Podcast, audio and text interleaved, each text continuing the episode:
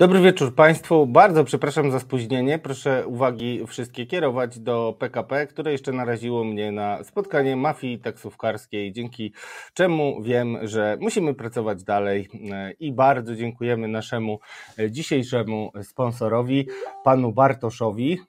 Jeszcze przypomnę jego nazwisko później, a teraz szanując czas naszego gościa, który tak wytrwale doczekał, żeby z Państwem się spotkać, zapraszam już do naszego zacnego grona e, profesora Artura Nowaka-Fara. Dzień dobry.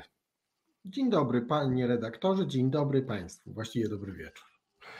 Dziękuję serdecznie. E, mm, jakoś e, chciałem zauważyć, że nasze państwo niestety gnije w różnych obszarach i kiedy szykowałem się do programu, obserwowałem też pana timeline na Twitterze i widziałem, że e, kolegę z, koleżankę z Euroactive pan wspierał, która też narzekała na transport do Gdyni, więc ja z Gdyni, drodzy państwo, musicie mi wybaczyć, ale mamy na szczęście ważniejsze problemy, chociaż nadmieniam to, ponieważ ta piękna rzeczywistość, którą widzimy na naszym naszych e, ekranach, szczególnie ci, którzy włączają dziennik zwany dla niepoznaki wiadomościami, wygląda zgoła inaczej i warto sobie zdawać sprawę, że jeżeli mamy stu policjantów pod domem, to e, prezesa Jarosława, to nie ma ich na centralnym, żeby walczyć z mafią. Dziękuję bardzo. Koniec e, wstawki, a teraz porozmawiajmy o tym, co jest dla nas wszystkich najważniejsze, czyli o budżecie. Mamy 2023 rok już w zasadzie za zakrętem, ostatnie dni grudnia i e, przyjęty budżet wydaje się y, całkiem, mm, no, bym powiedział, rutynowym. Już wprawdzie nasza ekipa rządząca nie ma takich marzeń, żeby mówić, że nie będzie deficytu. Mamy deficyt 60 y, ponad miliardów zapisany, a tutaj doktor Sławomir Dudek wrzut na zdrowym organizmie y, partyjnego przekazu mówi, że tego deficytu jest około 210 miliardów, jeśli dobrze policzył czyli jakieś 3, coś więcej. Skąd taka rozbieżność y, i jaki to może mieć wpływ na ocenę przez Brukselę tego, jak realizujemy kamienie milowe? Ma to y, taki wpływ, że kamienie milowe mogą nie zostać zrealizowane, bo niektóre kamienie milowe nie dotyczą praworządności, tylko dotyczą normalnego zarządzania finansami publicznymi, to dlatego, że e, Unia Europejska ma taki model e, e, swojego własnego rozwoju, że państwo jest finansowane w sposób odpowiedzialny. Co oznacza, że rządzący starają się unikać nadmiernych deficytów i starają się nie tworzyć sytuacji, w których ich własne państwo znajdzie się w, w jakiejś nierównowadze makroekonomicznej, a co między innymi objawia się tym, że po prostu za dużo pieniędzy e, publicznych jest wydawane, e, natomiast nie ma na to żadnego finansowania i państwo na przykład się bardzo gwałtownie zadłuża. Pan doktor Sławomir Dudek e, robi bardzo dobrą pracę, dlatego że jego analizy bardzo mo mocno naciskają na rząd, żeby on się poprawił i również informują nas o tym, jak sytuacja faktycznie wygląda. Dlatego, że ten, ten, ta podstawowa kwestia, która z jego analiz wynika i ona jest potwierdzona przynajmniej w zakresie może niedokładnych kwot, bo to są szacunki, które on jest w stanie prze, prze, przedstawić, ale z pewnością ona pokazuje pewną y, taką zasadniczą prawidłowość. Ona polega na tym, że budżet to jest około 60, nieco ponad 60% w ogóle tych środków, którymi rząd dysponuje. Natomiast pozostałe są ulokowane w niekontrolowanych przez parlament, co jest bardzo ważne, dlatego że parlament to jesteśmy my, obywatele. My wybieramy swoich przedstawicieli i oni powinni, ci przedstawiciele, kontrolować budżet, a kontrolować budżet to znaczy kontrolować to, jak się zbiera pieniądze do budżetu i później jak się z niego wydaje. No i tutaj jest pies pogrzebany, dlatego że budżet, który został przedstawiony i został uchwalony, on nie obejmuje a po prostu całości tych wydatków. A znaczna część wydatków jest ulokowana w funduszach, które mają różny charakter, no i krótko mówiąc, określa to się mianem jakiegoś pola no, takiego niekontrolowanego wydawania pieniędzy przez, przez rząd. To ma głębszą, głębsze, głębsze efekty, głębszy w ogóle skutek o różnym charakterze. Ja nie wiem, czy mam dalej mówić, czy chce Pan o to jakby zapytać, bo ja mogę dalej mówić. Chcę, Dlatego, chcę, do, chcę, chcę dopytać. Ja, to jest taka, że jak się uchwala taki budżet, to później z wykonania budżetu państwa jest absolutorium udzielane rządowi. Więc wyobraźmy sobie, że około 60%, no nieco ponad 60% środków jest objęte później absolutorium budżetowym dla rządu, a reszta nie. Więc powstaje problem konstytucyjny. To absolutorium jest dawane rządowi, czy nie dawane? No bo powinno obejmować e, zasadniczo wszystkie środki budżetowe, którymi rząd dysponuje, a tymczasem nasz rząd pochował po różnych kieszeniach, e, takich, które są niewidoczne dla obywateli i dla parlamentu, różne środki. Fundusze mają jakiś sens, ale nie w takiej ilości, nie w takiej liczbie i nie w, w takiej sumie budżetowej, bo to oznacza po prostu taką, e, takie no, prowadzenie bardzo luźnej polityki E, e, ekonomicznej, takiej luźnej w rozumieniu, niekontrolowanej przez nikogo, arbitralnej, tak jak się komu wydaje, a takiej, że trzeba, żeby otrzymać pieniądze, nie zdawać się na reguły prawne, tylko tam czekać, wyczekiwać, czy może jakieś sygnały są, może coś premier da, może, może nie da, ale tak właściwie to on może też poinformować różne grupy, że teraz mają jakieś wnioski pisać, bo przecież on te pieniądze ma, to może dać, a jeżeli to nie jest zapisane w budżecie, to tak rzeczywistość wygląda w około 40% e, wyda- w odniesieniu do około 40% wydatków budżetowych państwa. To to jest po prostu w moim przekonaniu nienormalne. No to powiedzmy sobie jeszcze o jednej e, sprawie, bo to wydaje się być e, bardzo mało e, znany problem, który pojawił się już we wrześniu. Chodzi o regułę wydatkową. Chciałbym, żeby pan profesor wytłumaczył trochę naszym widzom, resetariankom i resetarianinom, jak to jest, że reguła wydatkowa, czyli tak jak czytałem w opracowaniach doktora Sławomira Dudka, to ograniczenie określające nieprzekraczalny limit wydatków, była bardzo e, swobodnie wyłączana w stosunku do niektórych, e, e, niektórych funduszy, między innymi zresztą Funduszu Sprawiedliwości, który jest już trochę Państwu znany ze względu na działalność dziennikarzy śledczych.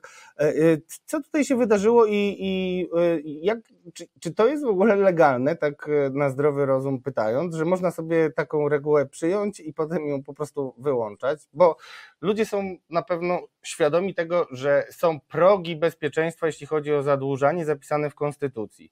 Ale y, to jeszcze, jak to się ma do siebie? No, ma, ma się tak, że, że e, jeden próg taki zasadniczy, nie tyle bezpieczeństwa, co po prostu ustalony w Konstytucji, to jest to, to że państwo nie może zadłużać się na więcej niż 60% produktu krajowego brutto. Nie? To, to jest konstytucyjny przepis.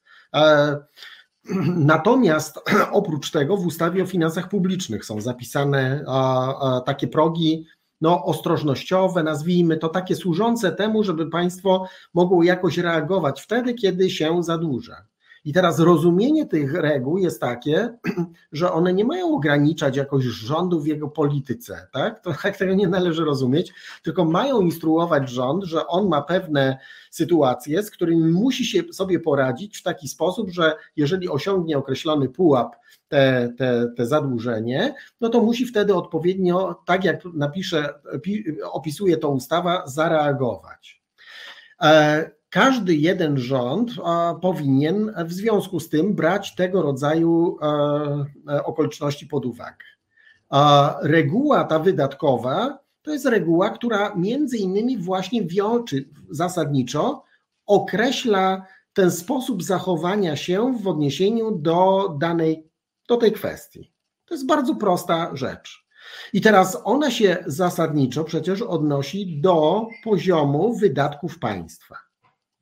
Natomiast nasze państwo, czy nasi rządzący postanowili zmieniać, pogrzebać troszkę w tej regule wydatkowej w taki sposób, trochę mnie zadziwiający, że oni e, e, wyłączają te, zasadniczo te fundusze z tej reguły wydatkowej, bo oni by chcieli, żeby one nie były objęte tym, a tym, tą, tą kwestią. I rozgrywają to troszkę w sposób taki, który też wymaga pewnego wyjaśnienia, bo w moim przekonaniu to jest tak, że COVID tutaj ma usprawiedliwiać i fundusze covidowe mają usprawiedliwiać wszystko. I teraz tam, gdzie moim zdaniem należy zauważać jakiś sens w tym, a gdzie indziej nie zauważać tego sensu, nie widzieć tego sensu, jest następujący jak jest sytuacja covidowa jest sytuacja jakaś kryzysowa, to rząd może, ma prawo zadbać o to, żeby powiedzieć, że to nie jest coś, co wpływa zasadniczo, tak fundamentalnie na pewien jakby ścieżkę wydatkową budżetu. Zdarzyło się, krótko mówiąc, coś nadzwyczajnego, i w odniesieniu do tej nadzwyczajnej sytuacji rząd może zadbać o to, żeby jakieś reguły dostosować, a tak, żeby można było powiedzieć, że on się nadal zachowuje od, odpowiedzialnie.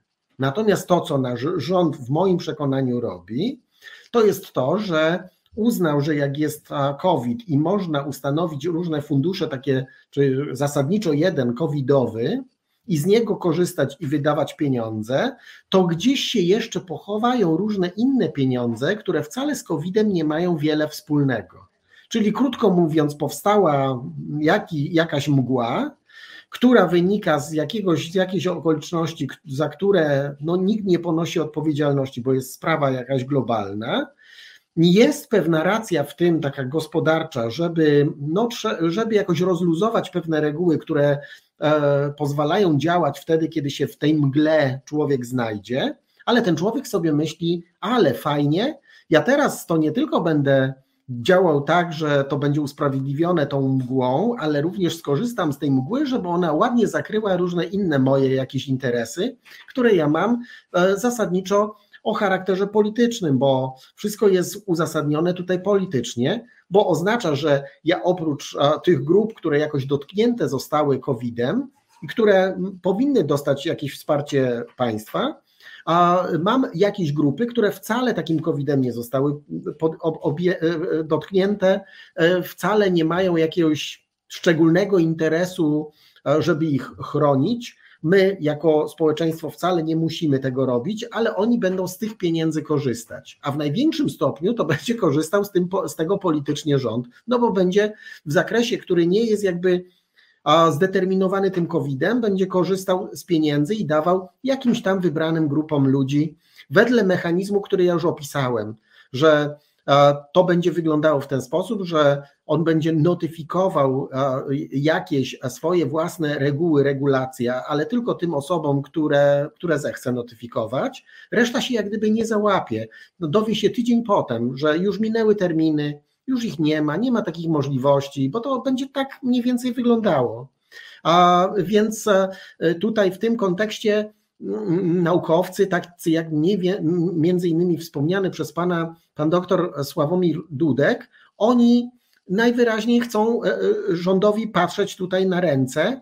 I to jest w moim przekonaniu bardzo dobra praca, dlatego że dobrze, jeżeli, jeżeli jest ktoś, kto rozumnie na to patrzy, no i przekazuje informacje opinii publicznej.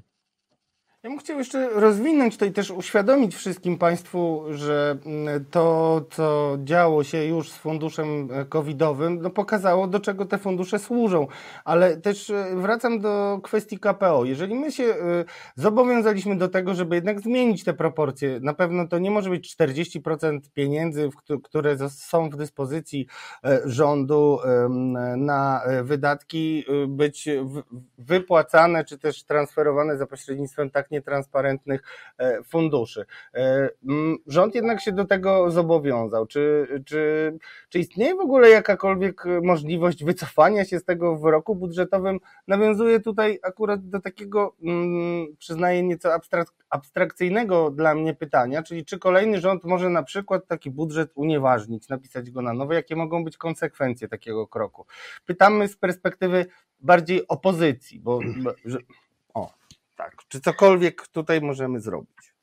Tak, bo to jest sytuacja nadzwyczajna i w tym sensie a budżet może być w ciągu, czy powinien być w ciągu roku zmieniony, jeżeli by była taka sytuacja, oczywiście hipotetycznie. A z tego powodu, że po prostu on tutaj narusza bardzo poważnie reguły budżetowe, no bo nie ma jedności budżetu. A jedność budżetu polega na tym, że budżet państwa a jeżeli my mówimy o takim przykładzie, on powinien obejmować zasadniczo wszystkie dochody i wydatki państwa. Jeżeli tego nie obejmuje, no to jest głęboko wadliwy. No i z tego powodu, jeżeli jest wadliwy, to istnieje tytuł do tego, żeby go poprawić. A tym bardziej, że Tutaj e, te, te próby jakby rozluźnienia reguł są też, e, o czym warto wspomnieć, na wielu poziomach, bo przecież w Sejmie pojawiła się w pewnym momencie propozycja, która była przedmiotem obrad komisji jednej, e, mianowicie zmiany konstytucji, zmiany tego pułapu konstytucyjnego. Czyli my chcemy zmieniać reguły w, w, no, no, konstytucyjne, w moim przekonaniu zupełnie niepotrzebnie, dlatego że żeby taką regułę zmienić, ewentualnie, żeby było jakieś polityczne uzasadnienie do tego, żeby zdobyć w ogóle poparcie, to trzeba by było pokazać, że się bardzo e, rezolutnie gospodaruje groszem publicznym teraz, wedle tych reguł, które się ma. Natomiast Tutaj nie ma takich sygnałów, a tak jak wspomniałem, te mechanizmy mają służyć do tego, żeby po prostu poza jakby kontrolą tą e, stricte budżetową, rząd wydawał pieniądze wedle swoich własnych jak preferencji, a nie związany żadnym tytułem prawnym, bo te tytuły prawne, jak one wyglądają, to widzimy poprzez e, to, jak, jak zaczniemy analizować wydatki z poszczególnych e, funduszy, że one się nazywają różnie, wyglądają na to, że będą e, przeznaczone na jakieś tam cele, no załóżmy na ofiary przestępstw, natomiast ta ta ich działalność to obejmuje bardzo szeroko, szerokie spektrum w ogóle działania, e, takiego, które nie jest e, bezpośrednio związane z tym zasadniczym celem funduszu. Tego funduszu poza tym, to znaczy niektórych funduszy, wielu tych funduszy po prostu nie powinno być, bo one dublują po prostu e, cele i one również, co ja myślę, że jest też wchodzi w rachubę, one generują zatrudnienie i generują taką, taką powtarzalność e, e, zadań. Że coś, co powinno być na przykład w Ministerstwie Finansów, jest w funduszu. Fundusz zatrudnia osobno, a pewnie jakieś 40 osób, albo może, no może mniej, ale powinno koło tego kręcić się 5 e, czy, czy 8 osób w Ministerstwie Finansów, które będą to robiły w ramach powierzonych im e, obowiązków służbowych. A tutaj one tego nie robią, tylko ktoś inny i się tylko tym zajmuje i to jest więcej, bo tam jest jakiś szef, bo tam jest jakaś sekretarka, bo tam jest jeszcze jacyś pra pracownicy, więc e, krótko mówiąc, pojawiają się takie jakieś pola, E, e, które można by było nazwać e, jakimiś księstwami udzielnymi. No to, to widać bardzo wyraźnie i też jutrzejsze spotkanie na szczycie między ministrem sprawiedliwości a premierem ma mieć taki walor jakichś negocjacji wewnętrznych, które nas e, oddalają od tego, ale ja chciałem wrócić do tego e, tła unijnego, mianowicie mm, wracają też e, w dyskusjach polityków PiS takie argumenty, że oczywiście mm, KPO jest dla Komisji Europejskiej kijem na polski rząd i że będzie chciała komisja przytrzymywać pieniądze po to, żeby faworyzować opozycję w Polsce i wracają do przykładu Grecji, drodzy Państwo, i dlatego, że miałem ten zaszczyt być studentem pana profesora w latach, kiedy greckie, e, grecki kryzys trwał i pamiętam, jak e, duże zainteresowanie generował, to chciałem, żeby pan e, profesor wytłumaczył nam, czy uczciwe jest mówienie, że po kryzysie greckim, że ten kryzys grecki wykorzystano po to, żeby narzucić Grecji rząd, który byłby wygodny dla eurokratów, bo to wiadomo, że jest bardzo rozmyte pojęcie. Czy tutaj możemy mówić e, o takiej e, analogii, czy ona jest z gruntu fałszywa? Ona jest z gruntu fałszywa i ona operuje jakimiś e, zlepkami takimi no w sumie bezsensownymi. Rząd Papandreou, który odszedł w wyniku kryzysu, to był rząd, który znakomicie pasował każdemu. Tak samo jak ten rząd e, następny. On był inny, bo tam była chyba między innymi Syriza, czyli takie e, dosyć skrajne ugrupowanie, ale to jest w sumie obojętne. Rząd Papandreou miał prawo być oceniany jako nawet lepszy przez, przez e, wszystkich partnerów w Unii Europejskiej i przez same instytucje unijne. Więc krótko mówiąc, takie wstawianie w te, sprawy w ten sposób, to e, jak pan sam sugeruje w tym pytaniu, sprowadza się do takiego celowego zniekształcania pamięci. No na szczęście profesorowie mają bardzo dobrą pamięć. A więc e, krótko mówiąc, tutaj się nie damy w, w, w pole wyprowadzić i tylko przypomnimy, że rząd Papandreou doskonale wiedział, w co się, że tak powiem, wpakował, bo przecież naruszył reguły zarządzania długiem i to w bardzo poważny sposób, to znaczy wiedział jaka jest sytuacja, natomiast przez dłuższy okres zniekształca dane statystyczne, które przekazywane były do Unii Europejskiej i do innych państw członkowskich, bo było to w ramach e, przecież e, e, mechanizmów koordynacji polityk gospodarczych, które mają miejsce. No i druga kwestia, taka tutaj bardzo istotna, to jest ta, że jak się już już wpakował, no to miał bardzo przez trzy dni bardzo przeróżne pomysły, troszkę w stylu e, e, no, rządów dzisiaj, Węgier czy Polski, e, co oni tam nie zrobią i jak nie zareagują, tak że po prostu wszystkim pewnie szczęka opadnie. Natomiast jak dokładniej tego, to przeanalizowali, to się okazało, że nie da rady że musi wprowadzić po prostu zgodnie z regułami, które wcześniej były, były przyjęte w latach 2000, 1997, coś takiego, 6-7, e, były już przyjęte, czyli on już dawno wiedział, jak, jak, one, one czekały, krótko mówiąc, na taką sytuację. To były przecież w związku z tym reguły, które nie mogły być e, kreowane po to, żeby wykończyć jakiś rząd europejski, a w roku 2008 czy 2009 one już były wtedy, tak? To jest dowód na to, że nikt tutaj nie zastosował reguł, które nagle wyciągnął z kapelusza i powiedział: Tak, teraz to was po prostu e, zapędzimy w kozi róg, tylko e, Jorios Papandreou przez trzy dni był przekonany, że on w ogóle dużo może, po czym dowiedział się od swoich ekspertów, jakie są reguły, no i zaczął po prostu normalnie negocjować plan naprawczy który był e, niestety negocjowany w warunkach bardzo niekorzystnych, dlatego że przecież wcześniej nakłamał. No to musiał pokazać karty, jak one rzeczywiście wyglądają. Wszyscy powiedzieli ho, ho, ho, tak, aleście nabroili, no to teraz razem uzgodnimy, co e, powinno być zrobione. E, negocjacje były już na klęczkach dlatego że przecież w takiej sytuacji nikt nie negocjuje jakoś e, z dumną piersią i nie, nie ma bardzo mocnych e, kart, tylko same blotki. Prowokuje mnie Pan do wielu y, wspomnień też, y, bo pamiętam, co inni profesorowie y, mówili o postawie Komisji Europejskiej wtedy i też mieli dużo zarzutów, ale może o tym za chwilę. Natomiast ja chciałem wrócić do tej kwestii Grecji i poszukać nie, trochę analogii.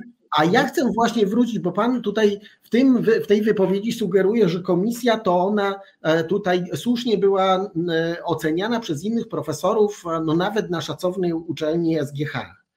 Ale no, trzeba... Tylko od razu dam, to ja od razu wykładam piłkę. Panie profesorze, jestem zachwycony, że, że pan tutaj kontruje i dlatego powiem e, wprost o co chodziło. Kiedy ja pytałem się no, eurosceptycznego profesora, bardzo istotnego, um, o to, dlaczego on uważa, że też częściowo odpowiedzialność za kryzys w Grecji ponosili urzędnicy Komisji Europejskiej, to krótko zbył mnie odpowiedzią, że no przecież oni też musieli wiedzieć, a teraz udają tylko nomen omen Greków. No tak, ale tak nie można mówić, dlatego że w, w, w komunikacji pomiędzy organem organizacji międzynarodowej a państwem istnieje no, podstawowa zasada zaufania. I o, nie można zakładać, że urzędnicy coś tam wiedzieli.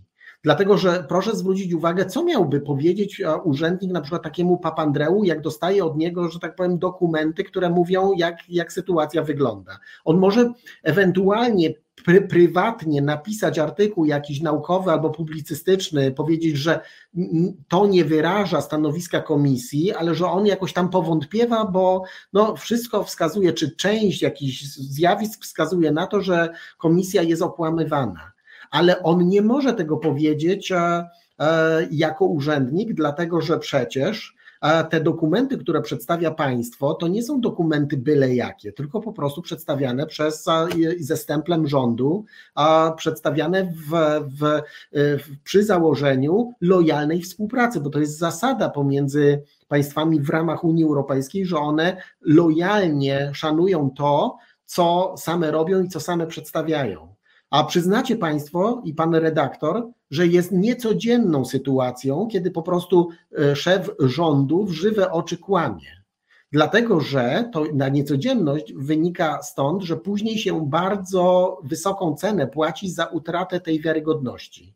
Papandreou w wyniku utraty wiarygodności, no nie tylko swojej, bo poprzednie rządy też tutaj miały za uszami, ale na niego padło, no musiał zrezygnować ze stanowiska, bo utrata wiarygodności międzynarodowej i wewnętrznej również, ona powoduje po prostu taką niezbyt e, e, dużą obniżenie zasadniczej efektywności takiego człowieka, bo jak mu nikt nie wierzy, to nikt nie chce z nim rozmawiać, nikt nie chce jakoś e, na, na serio jakichś układów z nim robić, bo przecież mu nie wierzą, a mówią, że on może tak samo zrobić w jakimkolwiek innym przypadku, bo przecież jest niewiarygodny na wiarygodność się bardzo ciężko pracuje, bardzo się ją łatwo traci, a potem odzyskać ją w zasadzie, w moim przekonaniu, jak mówimy już o konkretnych polityków, jest to y, niemożliwe.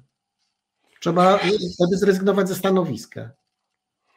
A, z tymi rezygnacjami to okazuje się, że nawet wybuch y, sprowokowany przez komendanta głównego nie powoduje, że ktoś y, poczuwa się do odpowiedzialności za tę sytuację, więc Panie trudno się dziwić, ale, ale myślę... on poczuje e, e, obniżenie efektywności, ten funkcjonariusz. Dlatego, że każdy, kto z nim będzie rozmawiał, to będzie miał w tyle głowy no, taką historię, no nie ma o czym mówić. A za, e, za plecami będą sobie o nim opowiadać tam, więc krótko mówiąc, on zobaczy nagle w jakim kabuki jest, takim japońskim teatrze, że wszyscy tam coś grają, jakieś wykrzykniki są, ale jest ten back, backstage, a e, za, za kulisami i krótko mówiąc, wszyscy się będą jakoś tam migać. A to już nie, to, nie, to, to będzie bardzo trudne, co najmniej, jeżeli nie niemożliwe, żeby uzyskać tutaj taką no, wcześniej e, e, posiadaną pozycję, jeżeli taka była.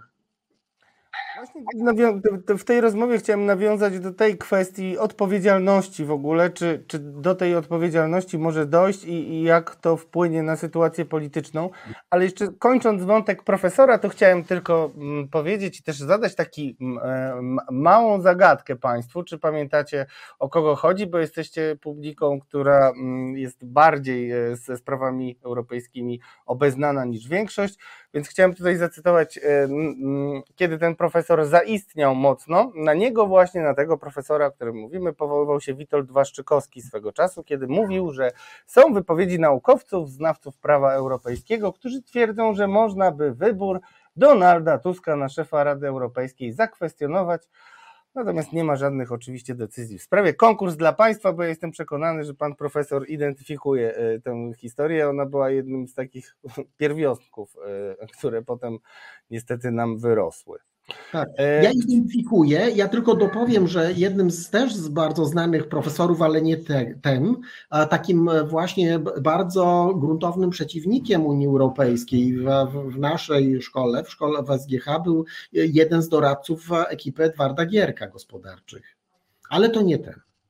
Ale to, ja nie wiem, może my jesteśmy jakoś spokrewnieni, panie profesorze, bo właśnie o pana Gierka chciałem spytać teraz, więc jest, dokładnie do tego chciałem przejść i, i teraz wracam na chwilę do początków dyskusji, która okazała się jałowa, dyskusji na temat swobodnego wydawania pieniędzy przez PiS, która to dyskusja już przebrzmiała tak naprawdę i wtedy się mówiło skończymy jak Grecja, skończymy jak Grecja. Tego się już nie mówi od kilku lat. I teraz moje, przypomnieliśmy tę historię upadku, bo ona też jest przypominana przez PiS i to w takim kontekście, jak mówiłem, czyli Grecję wzięto wtedy za łeb i nieuczciwie y, obalono rząd demokratyczny, taki, y, który nie był wystarczająco spolegliwy. I teraz, y, jak już sam pan wrzucił temat antyeuropejskiego profesora, który był doradcą Gierka, to chciałem spytać, czy my możemy dostrzec jakieś analogie z sytuacją tej epoki gierkowskiej, kiedy były kredyty, Polska ruszyła z miejsca, znalazły się e, produkty, e, Coca-Cola e, była sprzedawana czasem w sklepach i tak dalej. No ludzie dobrze to zapamiętali, ale koszty tego były przepotężne i, i wpłynęły też na dramaty y, milionów ludzi później. I chciałem spytać wobec tego, że widzimy, że tutaj jest pewne kuglarstwo co do tego budżetu, musimy się tutaj zgodzić. Jeżeli ktoś chowa coś, to musi mieć coś do ukrycia, bo jakby nie chował, jakby nie, nie miał do ukrycia, to by nie chował. Takie proste podejście. Pytanie, czy my jesteśmy właśnie, y, czy jesteśmy w ogóle zagrożeniem tego typu sytuacji, że po latach no, przepychu absolutnego rozrzucania pieniędzy z helikoptera, nie zwracania uwagi, czy płacimy na kolejne dziecko Janowi Kulczykowi, czy najbogatszemu innemu Polakowi e, stop 100 e, najbogatszych. E, to było takie beztroskie, ale teraz przychodzi czas, kiedy no, będą wybory, rosną wydatki w kancelarii premiera, prezydenta. Już maile Dworczyka pokazały, że te instytucje były mocno zaangażowane w kampanię. Urzędnicy potem dostawali premię, bo byli przecież zaangażowani w kampanię. To jest wszystko patologia, ale ta patologia może się skończyć po wyborach. Tylko pytanie, w jakiej sytuacji wtedy będziemy i czy za to kłamstwo, którym zdaje się być budżet, można jakkolwiek e, pociągnąć do odpowiedzialności i zmusić do wycofania się z, z bardzo daleko idących wydatków rząd. Czy to jest w ogóle możliwe?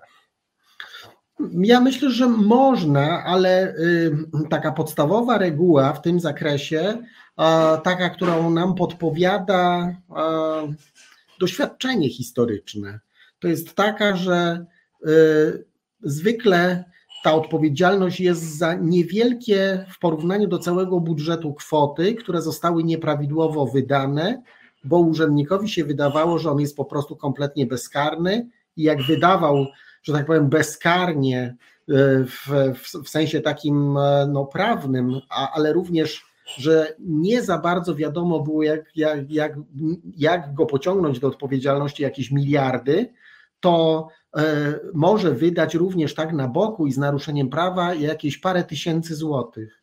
I to będą te przypadki, moim zdaniem. To znaczy, jeżeli oni mieliby być chwytani, a jakoś, to ja bym szukał w tych drobnych kwotach, bo im się wydaje to jakąś drobną kwotą, takiemu urzędnikowi, który się rozhasał trochę. Mm, no a i tutaj pewnie ta, ten sposób myślenia a może zawieść danego urzędnika przed e, e, oblicze sprawiedliwości, ale oczywiście mówię w, posługując się absolutnymi generaliami. Um, natomiast. Panie, ja... panie profesorze, że chodzi panu o taki modus operandi Eliota Nessa, który nie mógł złapać Ala Capone za wielkie morderstwa, ale dopadł go no, notabene na podatkach.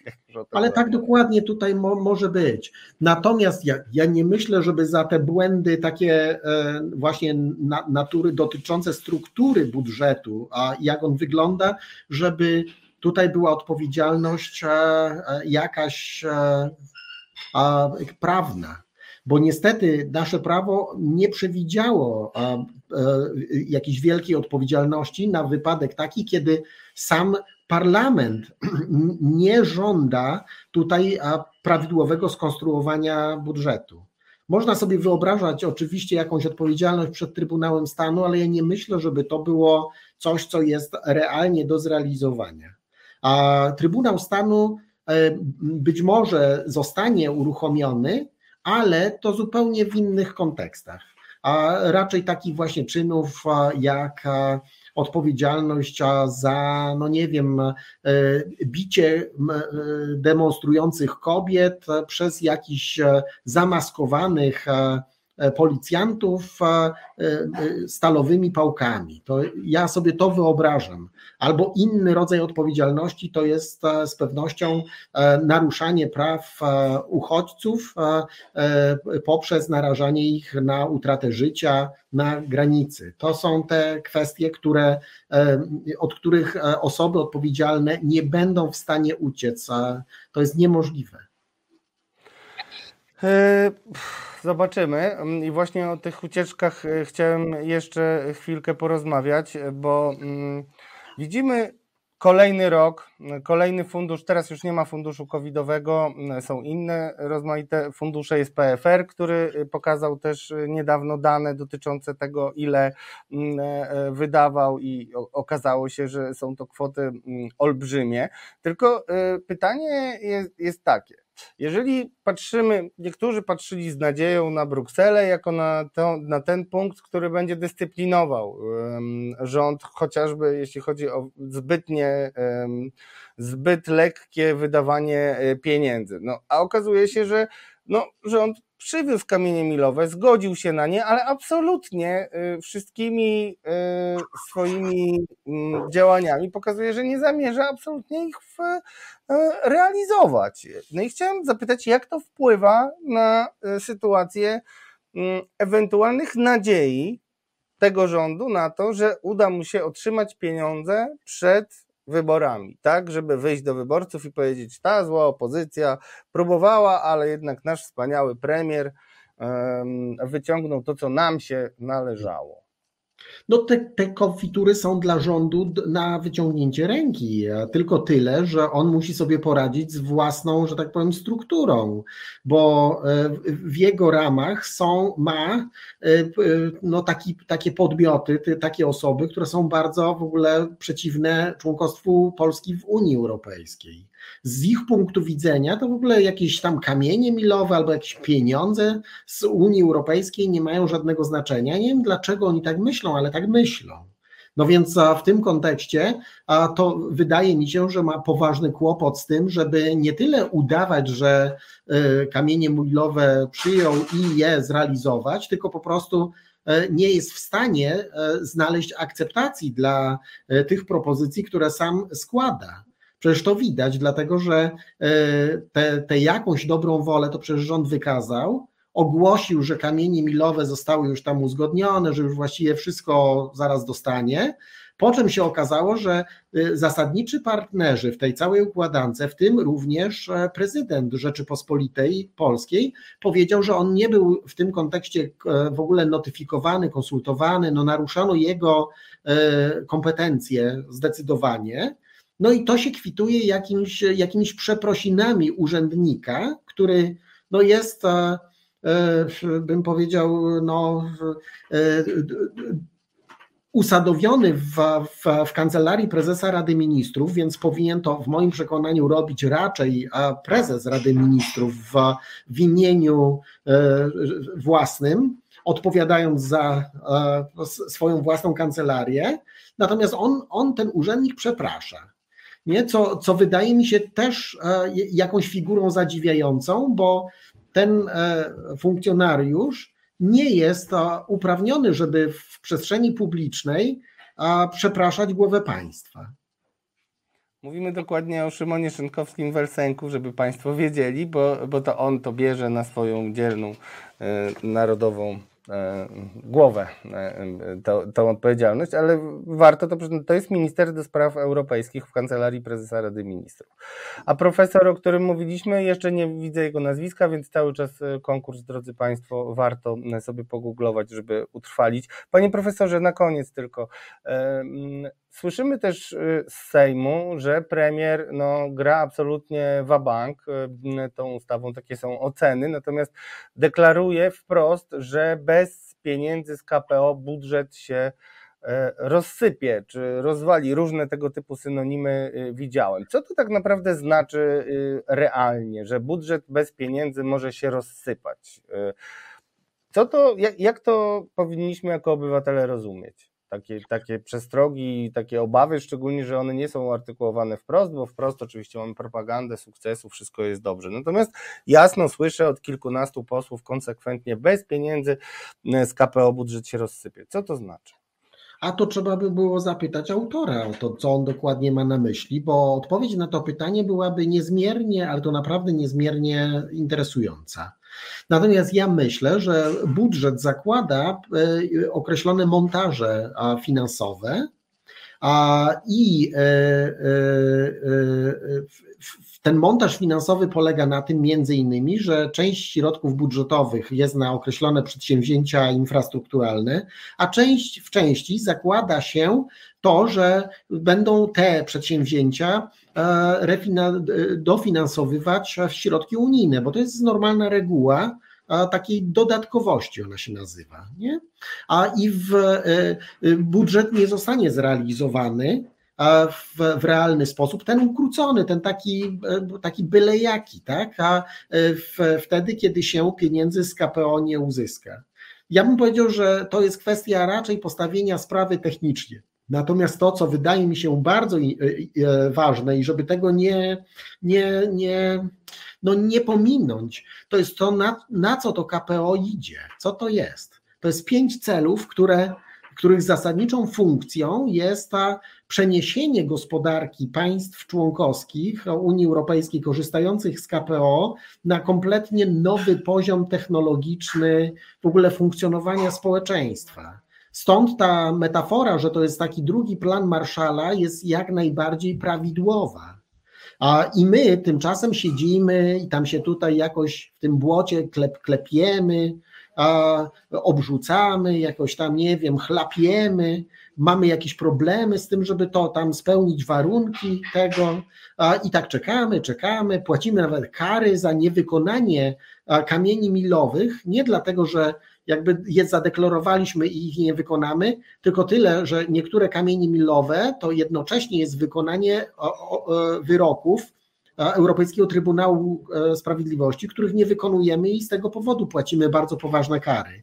To jest sytuacja, która będzie musiała być w przyszłości rozliczana, a być może nawet ten sam, jakby sam, ten sam rząd powinien to jakoś rozliczyć i wskazać tutaj osoby odpowiedzialne, ale oczywiście pewnie tego nie zrobi z powodów politycznych, z powodów takich, że no to jest rok wyborczy, trudno teraz nawzajem palcami wskazywać siebie nawzajem, bo przecież to by było politycznie bardzo, bardzo szkodliwe z punktu widzenia e, formacji rządzącej, ale tutaj e, rzeczywistość polityczna bardzo mocno rozziewa się z, z tą rzeczywistością taką prawną i ekonomiczną a jesteśmy w sytuacji, która jest niezmiernie szkodliwa. My KPO potrzebujemy. W tym sensie nie tylko, ja bym powiedział, się rozsypie budżet, ale rozsypią się plany rozwojowe, jakieś ambitniejsze Polski, a będziemy takim państwem, które się przesunie na jakieś straszne peryferie. No, jakby ten, ten, w, w, tę stronę niestety idziemy, jak Pan też dzisiaj miał okazję e, zobaczyć, Panie Profesorze, nawet w naszej czołówce, nie chcemy na wschód, a jeżeli nie będziemy jednak szli z zachodem, to siłą rzeczy będziemy bardziej mm, zmierzać w drugą stronę. Panie Profesorze, jeszcze ostatnie pytanie moje e, ogólne, e, jeśli chodzi o narrację i ten skandal, który wybuchł w Parlamencie Europejskim, bo narracją poexitową na dziś jest właśnie to, że polski rząd ma fantastyczną okazję do tego, żeby mocniej potraktować, e, znaczy mocniej akcentować swoje interesy w rozmowach z Komisją Europejską, bo e, ten parlament, który przecież tak ostro e, krytykował rządy w Polsce, masę rewolucji, dyskusji i, i różnych aktywności Parlamentu Europejskiego, tego ciała, proszę Państwa, które pochodzi z wyborów, czyli ma największy mandat demokratyczny, przynajmniej w teorii. No, prorządowi dziennikarze mówią, że teraz musimy mocno to akcentować i na tym grać, tym powinien grać rząd, tak mówi korespondentka Dominika e, Cosić, e, Cosić e, z Brukseli, pracowniczka TVP Info.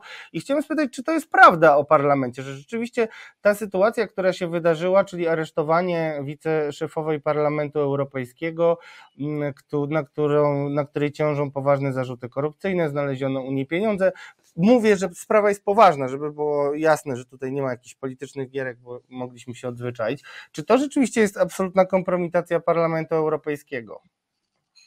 No to jest kompromitacja Parlamentu Europejskiego. Ja nie wiem, czy słowo absolutne jest tutaj jakby na miejscu, ale to jest, bo e, to delegitymizuje Parlament Europejski. Natomiast to, co Parlament Europejski w następstwie tego e, robi i jak działa, no to jest bardzo ważne, dlatego że e, nasz, e, ta, ta narracja partyjna, ta, ta, ta, ta, propaganda partyjna, to ona wytyka to, mówi o, to są w ogóle jakby ta, ta skorumpowana osoba, to jakby funkcjonuje najprawdopodobniej w takim, w takim organie, który jest cały skorumpowany. To jest nie, niedopuszczalne, dlatego że tak przecież nie jest jest.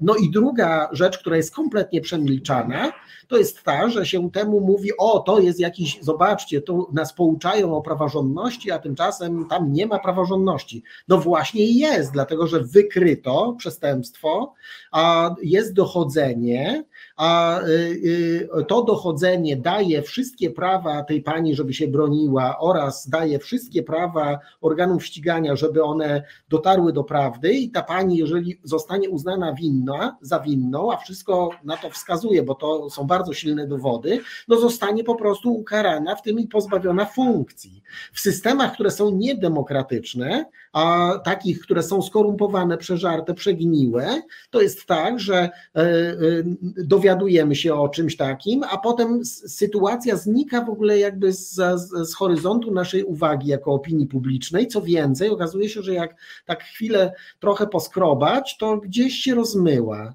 Okazało się, że prokuratura no, nie wszczęła dochodzenia. Policja też tak na pół gwizdka to robiła, bo przecież kto by chciał się babrać w czymś takim, co grozi e, jakimiś negatywnymi reperkusjami dla własnej kariery. Wiadomo, że ten materiał procesowy zostanie odrzucony, czy tam jakoś e, e, zniekształcony, czy zdezawuowany przez prokuraturę i, i sprawa nigdy nie ujrzy później tej, tej ostatecznej takiej, takiego finiszu przed sądem i nie zostanie taka osoba ukarana. Tak działają te systemy, no na przykład węgierskie.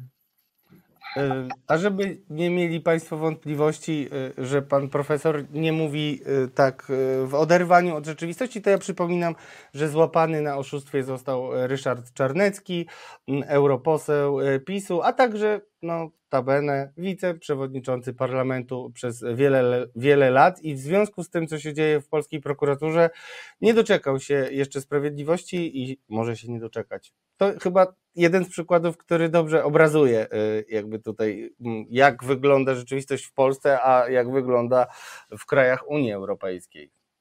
Znaczy tak, takie, takie rzeczy, ja nie, nie, trzeba by było dokładnie poznać sprawę oczywiście, ale jeżeli ona wygląda tak, jak wygląda, jak się nam jawi w, w, w mediach, no to tutaj jest naruszone, naruszona taka jedna z fundamentalnych zasad chronienia funduszy unijnych, która się nazywa zasadą asymilacji, czyli stosowania takich samych środków, e, które się sto, do ochrony środków unijnych, a do ochrony, e, które się stosuje do ochrony środków krajowych.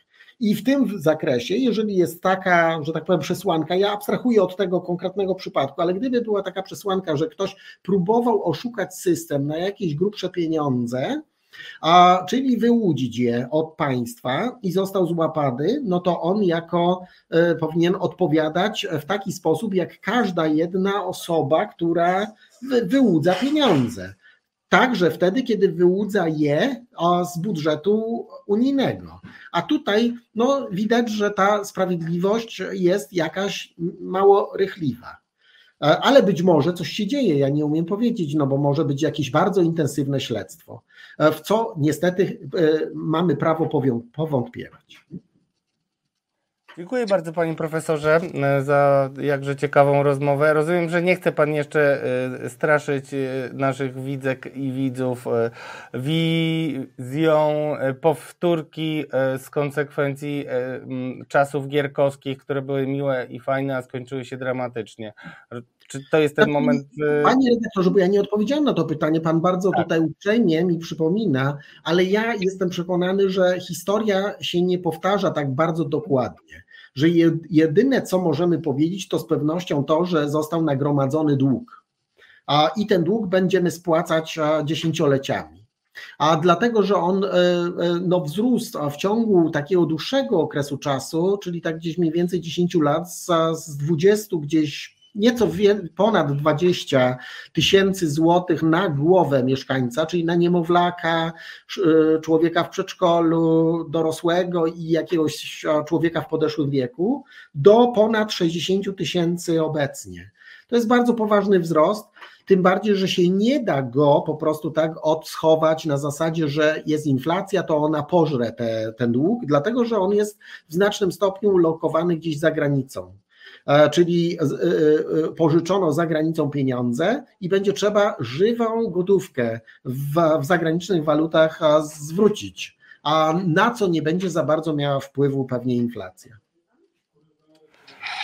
Dziękuję bardzo serdecznie. Naszym gościem był profesor Artur Nowak-Kwar, profesor SGH, a także w przeszłości sekretarz stanu w Ministerstwie Spraw Zagranicznych? Nie, podsekretarz, ale to jest coś, co się określa mianem wiceministra spraw zagranicznych. Ja byłem odpowiedzialny za sprawy prawne. Tak, i za umowy i kiedyś też bym chciał porozmawiać być może o tych umowach, które się powtarzają i mm, jest więcej takich umów jak Lotus, może o tym też kiedyś porozmawiamy. Dziękuję serdecznie bardzo. Życzę wszystkiego dobrego, panie profesorze, przede wszystkim zdrowia i zapału w sensie pasji, żeby nie urządzać się w ciemnych miejscach, tak jak kiedyś satyrycy mówili, i pamiętać, e, jak to jest żyć w normalnym kraju, żeby nasi też obywatele nie zapominali, że pewne rzeczy, które widzimy na co dzień, są nienormalne. Ja nie widzę takiej potrzeby. Życzę wszystkim jak najwięcej normalności, ale przede wszystkim bardzo, bardzo spokojnych świąt. I dużo zdrowia, panie profesorze. Dziękuję serdecznie.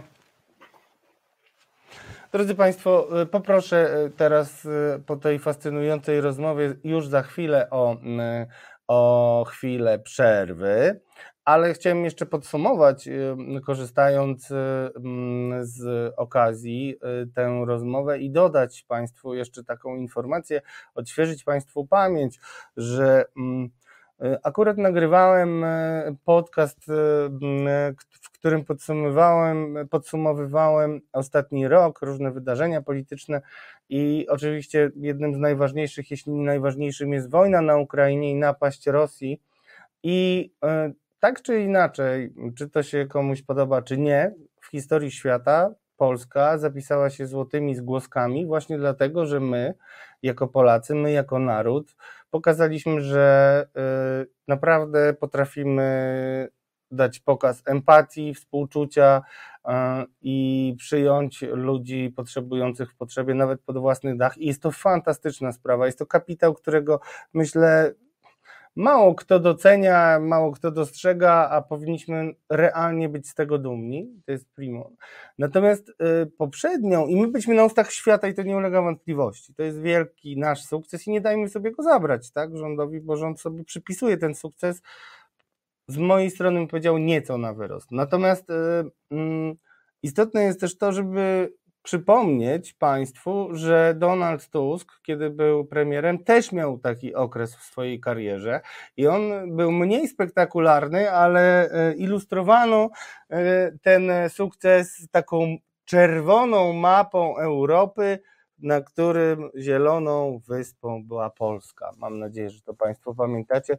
Chodziło o to, że, mm, że mm, kiedy wszystkie gospodarki złapały zadyszkę, tylko Polska utrzymywała jakikolwiek e, wzrost, a stało się tak dzięki oszczędnościom i między innymi dzięki bardzo kontrowersyjnym, rozmaitym decyzjom w stylu OFE i tak dalej. E, generalnie bardzo ostro rząd Tuska musiał ciąć, a mimo to jeszcze później e, utrzymał się przy władzy przez e, kilka lat. Ale to, co jest dla mnie istotne jako dla Polaka, to to, jak to wpłynęło na renomę Polski i ponieważ zdarzy mi się uchylić rąbek prywatnego życia. Wiecie Państwo pewnie, że jestem wielkim amatorem amerykańskiego mm, reżysera Davida Lyncha i kiedy e, usłyszałem, przeczytałem w jednym z wywiadów, że David Lynch, który jest postacią światowego kina, światowego formatu, mówi, że mm, kocha Polskę, bo tu przyjeżdża na kamer image, e, a jednocześnie czytał ostatnio, że Polska świetnie sobie radzi w kryzysie, kiedy każdy złapał zadyszkę, to ja byłem autentycznie dumny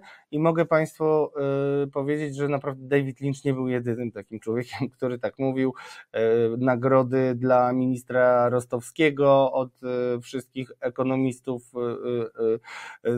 zgromadzonych w różnych stowarzyszeniach, od branżowej prasy i tak dalej. Mieliśmy taki moment i to był moment, dzięki którym Polska mogła być dumna. E, pamiętajmy o tym, no, pamiętajmy o tym. Warto wszystko e, zmierzyć i e, jakby wyjść z czaszki złotej rybki, która pamięta tylko to, co było wczoraj. Nie dajmy sobie wmówić, że czarne jest białe.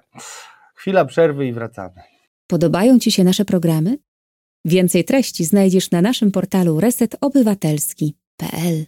Państwa to jest bez wyjścia na kanale Reset Obywatelski. Radosław Gruca dzielnie, jak widać, w ferworze walki zastępuje Marcina Celińskiego, czasami nawet mm, z marynarką e, w nieładzie pewnym, ale e, z poukładanymi myślami w głowie, drodzy Państwo. I teraz przechodzimy do mm, Polexit Newsów, a w zasadzie mm, chciałbym dziś skoncentrować się na tym, o czym słyszę i będziemy słyszeć wszyscy dużo, czyli na echach z Parlamentu Europejskiego dotyczących tej korupcyjnej historii, która jest wykorzystywana, jak sam zresztą pan profesor podkreślał, do tego, żeby mówić, że parlament nie ma legitymacji moralnej, żebym tak powiedział, do tego, żeby kwestionować polską praworządność, bo sam jest niepraworządny.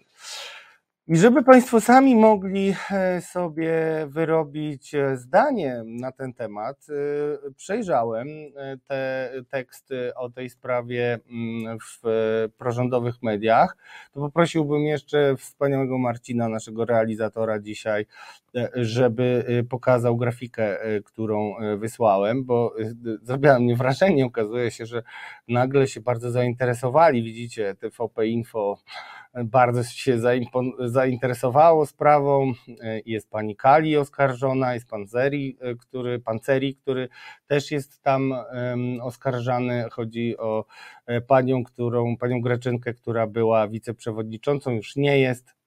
E, oczywiście e, zapał naszych pracowników mediów prorządowych rośnie, kiedy mogą powtarzać, że pani E, Kali mm, e, jest e, z grupy socjalistów. No ale to taka sytuacja, mm, drodzy Państwo. No i teraz popatrzmy na to, co wynika, jaka jest esencja tych przekazów, które rządzą, jak widzicie, dużo uwagi bardzo mm, media prorządowe poświęcają tej sprawie, więc powiedzmy o co tam chodzi, tym bardziej, że jest to łączone jeszcze z jedną, z jednym wydarzeniem i z jedną osobą, z Radosławem Sikorskim, który no, wyłożył się, mm, rozmawialiśmy o tym, wyłożył się na mm, swoim twicie o tym, że sugerującym, że Amerykanie stali za wybuchem Nord Streamu, mm, rurociągu Nord Stream. E, I od tamtej pory wrócił na celownik, jest systematycznie wyciągany przez e, prorządowe e, media. E, i e, wrzuca się go w zasadzie po przecinku, a nawet po średniku e, w narrację właśnie mówiącą o tym skandalu.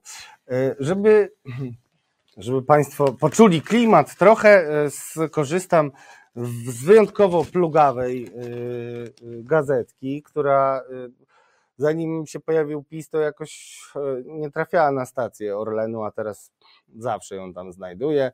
Gazeta Warszawska i żeby tak, żeby poczuć ten stan umysłu, przytoczę tylko fragmencik. Nie Niemiec, tylko nazista, nie złodziej, tylko lobbysta, pisze jeden z natchnionych e, apologetów e, polexitowych. I pisze tak. Lewaczka z ogólnogreckiego ruchu socjalistycznego, w nawiasie SIC, Niejaka Ewa Kaili, pełniąca funkcję wiceprzewodniczącej Parlamentu Europejskiego, została zatrzymana. Podejrzewa się ją o defraudację potężnej kasy. W jej domu znaleziono torby z setkami tysięcy euro. Kogoś to dziwi? Ilekroć w życiu słyszałem gdzieś w pobliżu słowo socjalistyczny, natychmiast ze wzmożoną uwagą łapałem za kieszeń w obawie, że ktoś chce mnie okraść bądź zrobić w bambuko.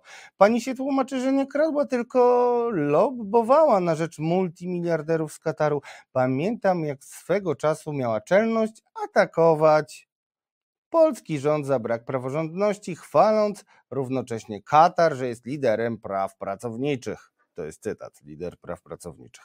Zdumiewające, jak to się wszystko lewactwu miesza w głowach. Wsłuchujmy się uważnie w brukselskie głosy atakujące Polskę. Wiele można już wyczytać między wierszami. Już jedna trzecia władców Unii Europejskiej zamieszana jest lub była w przekupstwa, kradzieże i skandale. Prawdziwy to dramat, bo nie ma od kogo uczyć się praworządności. Bóg raczy wiedzieć, mam nadzieję, jeśli istnieje, jak sobie wyliczył autor y, jedną trzecią władców UE, jaki to, jaka to była matematyka i ułamki ale mm, taka mm, sytuacja, więc y, spójrzmy na to y, i y, teraz ten fragment programu poświęcam temu, żeby byli Państwo przygotowani przy wigilijnym stole albo świątecznych spotkaniach, kiedy usłyszycie wkodowane narracje mm, polexitowe, antyunijne i tak dalej, i będziecie słyszeć, jak to kradną w tym mm, parlamencie europejskim, to warto jest y, wiedzieć, o co tam chodziło i jakie są konsekwencje. I te konsekwencje y, niech y, wiszą gdzieś tutaj wirtualnie nad moją głową, bo będziemy rozmawiali o konsekwencjach tej sprawy, nie tylko dla wizerunku Parlamentu Europejskiego, ale popatrzmy na to, co tak naprawdę wykryto i jaki jest z tego skandal i problem. E, mianowicie, drodzy Państwo, aresztowana mm, e, pani mm, wiceprzewodnicząca e, mówiła, dokładnie powiem, aha, była mm, zaangażowana między innymi za to, że w to, żeby no, łagodzić ton ostrych wystąpień w rezolucji między innymi Parlamentu Europejskiego tak, żeby Katar no, nie był tym pariasem, który absolutnie e, ludzkie życie ma za nic e, i za pieniądze jest w stanie kupować wszystko. No i właśnie po to inwestowano e, konkretne pieniądze, żeby za pośrednictwem takiego człowieka, byłego eurodeputowanego Piera Antonio Panzeriego, obecnie prezesa organizacji pozarządowej Fight Impunity, za y, razem jeszcze z jednym mm, człowiekiem, e, który był e, partnerem e, tejże pani, Ewy Kylie, przyjmowali pieniądze i udało im się między innymi złagodzić pewne zapisy rezolucji, która była przygotowana przed Katarem i tam właśnie kwestionowano znaczy akcentowano to, ile osób zginęło przy przygotowaniach do imprezy y, katarskiej, a także, co, co pewnie nawet e, istotniejsze, e, szczególnie mocno zależało Katarczykom, żeby w parlamencie nie było mocno podnoszone, nie były mocno podnoszone konkluzje filmu dokumentalnego, ale też wiele innych śledztw, mniejszych i większych dziennikarskich, wskazujących na to, że e, Katarczycy no, przekupili mm, decydentów organizacji FIFA, która organizuje mm, turnieje o finały Mistrzostw Świata w piłce nożnej i tylko dlatego je otrzymali. No, przypomnę, że poprzednią mm, była poprzednim wyborem, poprzednim gospodarzem była Rosja i też przypomnę, że Polska razem z Ukrainą miała e, turniej Euro 2012, też wyjątkowe wydarzenie w moim życiu i też w życiu Polski, że tak powiem, XXI wieku. I tam, no cóż, e, Lobbying ukraiński mógł mieć istotne znaczenie, tak to powiem, bo byłem blisko e, różnych zdarzeń wtedy, więc pamiętajmy o tym. No i właśnie takie były osiągnięcia pani Kylie, czyli tam nie było mm, działań, e, to, to jest czysta polityka tak naprawdę. I niesamowite jest to, że no pani nie, nie, nie, mm, nie, wiem, nie wyłudziła żadnych pieniędzy, ani nie stworzyła e, jakiejś fuzji, w której, na której mógłby ktoś zarobić, ani nie zmniejszyła jakichś obciążeń podatkowych, nie lobbowała za tymi obciążeniami podatkowymi w w stronę, nie wiem, osób, które je opłacają lub w stronę konkurencji osób, które je opłacają. Mam nadzieję, że rozumiecie, co mam na myśli.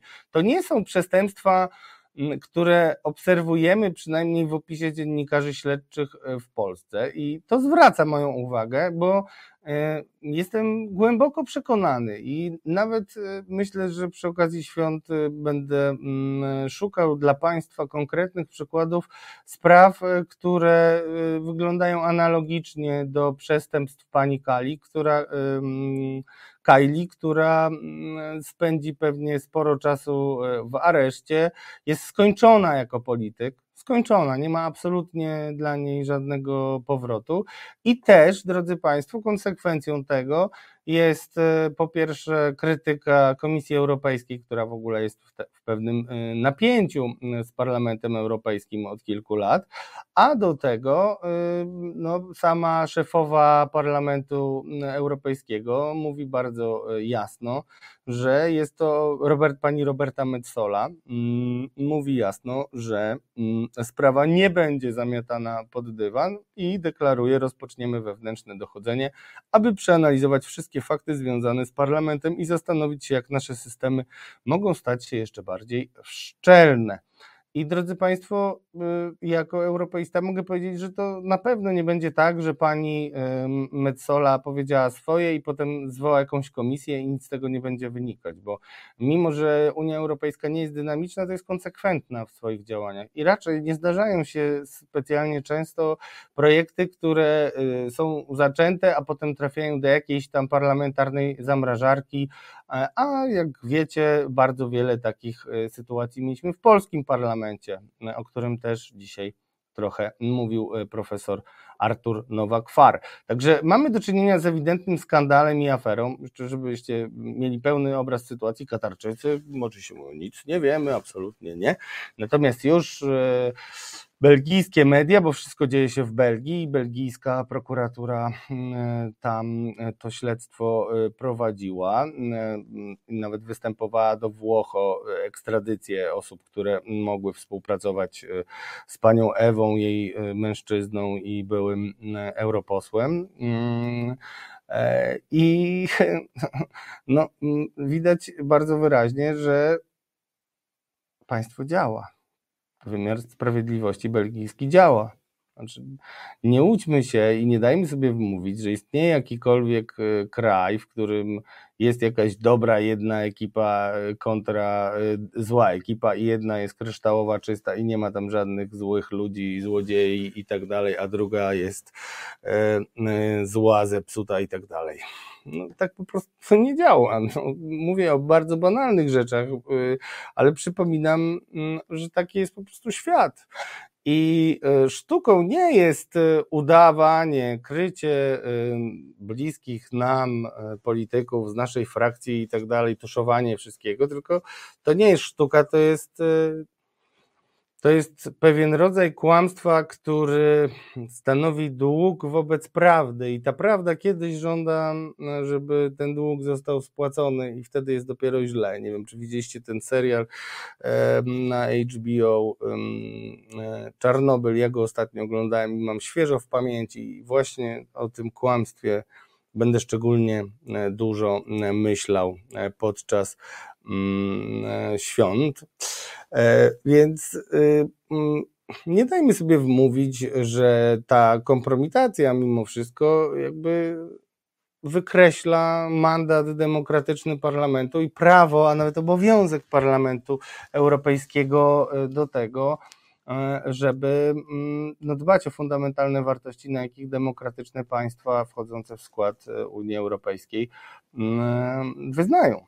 To jest szalenie istotne. Także miejmy proporcje, a y, mówiłem o tym y, więcej niż pierwotnie y, zamierzałem, bo też bardzo dbamy o to razem z Marcinem, mm, żeby Państwo mm, mieli pewność, że to nie jest, że, że nasze programy nie są jednowymiarowym, bezkrytycznym promowaniem wszystkiego, co związane z Unią Europejską jako mm, no, czegoś, co, co nie ma żadnych wad i jest w ogóle największym mm, cudem świata, bo tak nie jest ale pamiętajmy skąd przyszliśmy, odpalajmy sobie czasami czołówkę e, bez wyjścia, żeby wiedzieć, e, gdzie będziemy zmierzać, jeżeli nie będziemy w tej demokratycznej rodzinie.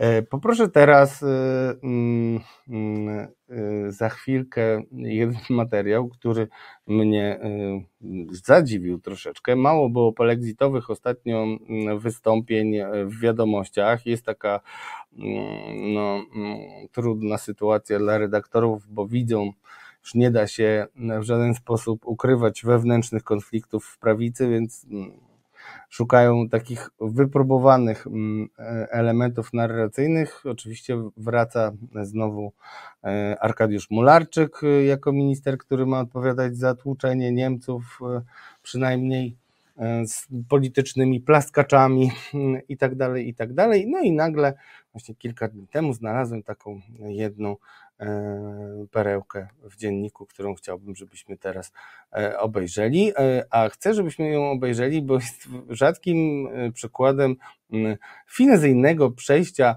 od jednego państwa, które nie lubimy, do państwa, którego nie lubimy najbardziej ze wszystkich państw na świecie. Wieki Holendrzy zachęcali do niewolnictwa i czerpali z niego korzyści, podkreślał Mark Rutte, przepraszając za ten proceder. Miliony ludzi zostały skrzywdzone. To cierpienie, które nadal trwa. Holandia musi stawić czoła swojej roli w tym. Liczby są niewyobrażalne, cierpienie jeszcze bardziej niewyobrażalne.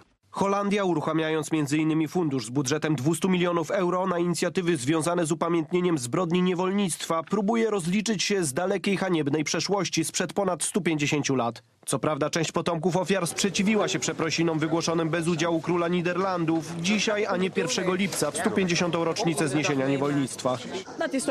To jest dowód na to, że niczego nie nauczyli się podejmując jednostronne decyzje, zupełnie jak w czasach niewolnictwa. W kolejce do przeprosin i zadośćuczynienia za zbrodnie stoją wciąż potomkowie ofiar wielu europejskich krajów. W Brukseli do dziś czczony jest król Leopold II, współodpowiedzialny za śmierć co najmniej 10 milionów mieszkańców wolnego państwa Konga. Do dzisiaj y, Balengowie też się z tym jeszcze nie rozliczyli. Niemcy w mniejszym stopniu, tu są bardziej zbrodnie niemieckie w Namibii, ponieważ jednak zbrodnie, kolonializm niemiecki był skierowany na wschód, czyli Polska, przede wszystkim Polska. Zbrodnie Niemiec w czasie II wojny światowej na Polakach to nie tylko ponad 5 milionów ofiar, ale także zagrabione i zniszczone miasta i wsie. Choć cywilizowane państwa próbują rozliczyć się z zamierzchłych czasów niewolnictwa, Berlin odmawia zadośćuczynienia Polakom. Niemcy, tuszując swoje zbrodnie międzynarodowe popełnione na Polsce, nie chcą nam zapłacić za to, co zrobiły w XX wieku. Nasze straty zostały wycenione na bilion 300 miliardów euro. Polska o biernej postawie Berlina w tej sprawie poinformowała wielu sojuszników. Jan Korab, Wiadomości. Tak, oto od złej Belgii, bo jeśli Państwo nie wiecie, no mało o tym mówiliśmy w, bez wyjścia, ale e, wyjątkowo mm, nie cierpi mm, polexitowa brać mm, e, wystąpień rozmaitych Marka Rutte i Holandii. Holandia jest bardzo pryncypialna, jeśli chodzi o kwestie praworządności. Bardzo dbają o to też politycy holenderscy delegowani do instytucji unijnych, żeby nie stracić tego mm, z mm, pola widzenia. Ale to naprawdę moim zdaniem dość urocze, e, żeby aż tak e, aż tak y, się angażować y, w, no, w holenderskie, mm, no, znaczy w antyniemiecką narrację, żeby nawet pochwalić tych Holendrów, no, półgębkiem, ale jednak pochwalić Holendrów, którzy biją się w piersi za dawne e, grzechy. E, a na przykład, e, drodzy Państwo, oczywiście nie przyjdzie nikomu do głowy, żeby zauważyć. Ja się strasznie dziwnie czuję w takiej roli, bo jestem trochę rzecznikiem Niemiec, ale y, mówię o tym nie po to, żeby być rzecznikiem Niemiec, tylko żeby pokazać Państwu selekcję materiałów, jakie się pojawiają y, dla większości naszych obywateli na ich ekranach telewizorów. I będę to akcentował i chcę, żeby Państwo też mieli świadomość, bo widzimy się oczywiście w internecie, nie e, za pośrednictwem e, telewizji.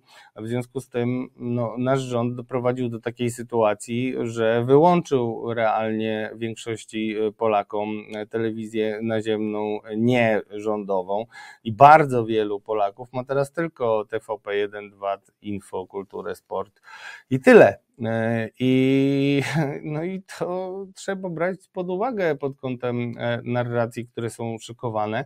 Tak jak trzeba, jak już rozmawiamy o budżecie, dużo się mówi oczywiście o finansach, e, które przeznaczane są na propagandę w, w TVP, nawet bez kierownika Kurskiego gra i gwizdże machina w postaci dziennika, czyli wiadomości.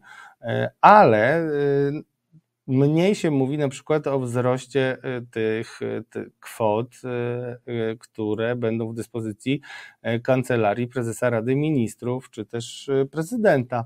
A to o tyle istotne, że tak jak nadmieniałem, warto poczytać sobie maile wykradzione ze skrzynki byłego szefa kancelarii premiera, czyli pana ministra Michała Dworczyka, w którym jasno Dworczyk e, pisał, że potrzebuje wielu milionów na e, premię dla urzędników KPRM-u, a żeby uzasadnić decyzję, która zresztą się zrealizowała, mm, to powiedział, że mm, przecież należy się tym urzędnikom, bo ciężko pracowali podczas kampanii.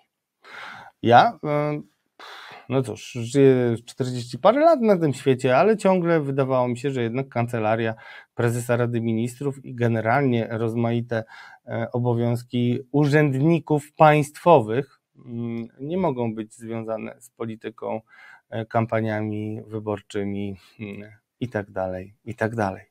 Tymczasem widać wyraźnie, że e, nasza e, ekipa rządząca już sobie e, zabezpieczyła nadwyżkę, żeby przypadkiem tym urzędnikom nie e, odechciało się szczególnie ciężko pracować. Tak to wygląda, drodzy Państwo. Poproszę chwilę przerwy, a po tej chwili przerwy przejdę już do zapowiedzi naszego ostatniego programu. Wyjaśnię, co się stanie z naszymi polexitowcami, których e, tak skwapliwie przez ten e, rok e, wyłanialiśmy i zadam Wam drobną pracę domową do przemyślenia przy świętach. Za chwilkę wracamy. Obywateluj razem z nami. Wejdź na stronę resetobywatelski.pl i dołącz do nas wybierając odpowiednią formę wsparcia. Dobry wieczór Państwu. Ten program zawdzięczamy e, wsparciu naszego sponsora Bartosza Lisiakiewicza. Bardzo dziękujemy panu, Panie Bartoszu. Szczególne, szczególnie ciepłe życzenia e, ode mnie. E, jak wiecie, każdy z Państwa może zostać naszym sponsorem konkretnego programu. Ja zachęcam szczególnie do mojego nowego formatu. Pozwolę sobie, ale też do bez wyjścia. Zresztą każdy z Was może sobie taki prezent zrobić e, na gwiazdkę. Nie przestajemy wcale nadawać e, w święta i zbieramy siły na następny rok, który będzie bardzo ważny nie tylko dla nas, ale i dla naszych dzieci, wnuków e, to, co się wydarzy przez najbliższe 10 miesięcy, będzie wpływało na Polskę na lata. Dlatego bądźmy silni i dzielni, żeby, żeby nieść ten kaganek oświaty między, no, między ludzi, którym propaganda robi e, wodę z mózgu. Takie jest moje życzenie dla Państwa. A teraz e, idziemy e, dalej i przeglądamy jeszcze polexitową prasę. Powiem krótko, no w związku z taką niezadowalającą albo nie, w związku z frekwencją, która nie powala na kolanach w głosowaniach na polexitowców, w tym tygodniu, zważywszy na to, że jest pewne zawieszenie antyunijnych e, wystąpień, przynajmniej na pewien czas. Nie szukałem na siłę kandydatów do polexitowców tygodnia i nie będzie w tym tygodniu tego wyboru, ale drodzy Państwo, zachęcam też do odwiedzenia naszej strony resetobywatelski.pl, gdzie też już w najbliższych dniach przygotujemy zestawienie naszych laureatów, a także dzięki kreatywności i E, uprzejmości pana e, Janusza pokażemy Wam, jak będzie wyglądać statuetka i zastanowimy się, w jaki sposób z pompą obdarować e, osoby, które tak konsekwentnie prezentowały przez wszystkie miesiące poleexitową narrację.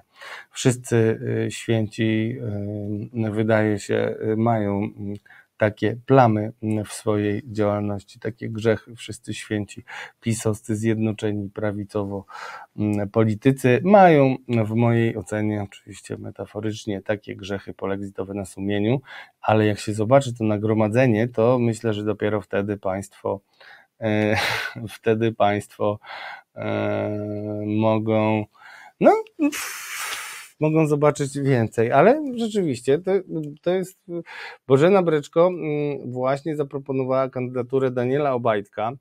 I ja mm, przyjmuję tę kandydaturę w takim razie, jeśli będzie kontrkandydatka, kandydat, możemy jeszcze przeprowadzić szybkie głosowanie, bo bardzo podoba mi się to, zawsze akcentuję, że my jesteśmy społecznością i to społecznością, która mm, przeszła już mm, nie jeden y, kryzys, y, społecznością, która wybudowała to wspaniałe studio, y, która pomogła nam stworzyć formaty, które nie tylko się nie starzeją, ale też pozwalają przenikać różnym tematom do mainstreamu, różnym tematom, które z różnych powodów nie są tam obecne i poczu, po, poczuwam się do e, e, współojcowstwa sukcesu, którym niewątpliwie jest przebicie e, pewnego, pewnego szklanego sufitu, tak bym powiedział, chociaż to może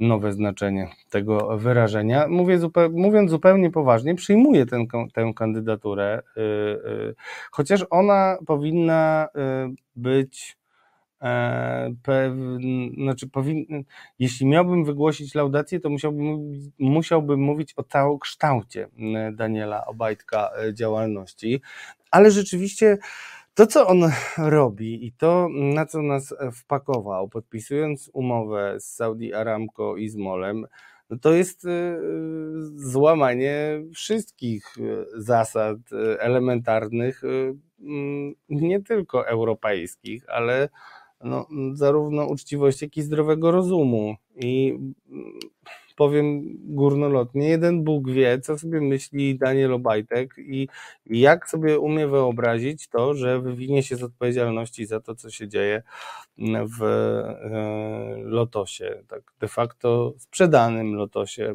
e, zarówno Molowi, jak i mm, Saudi Aramco te ostatnie odkrycia, też przypomnijmy, TVN-u i Gazety Wyborczej, które dotarły do projektu umowy, z której wynika jednoznacznie, że Saudi Aramco może zbyć udziały w rafinerii gdańskiej, ważnej dzisiaj bardzo rafinerii też w skali Europy i atrakcyjnej, na przykład Rosjanom.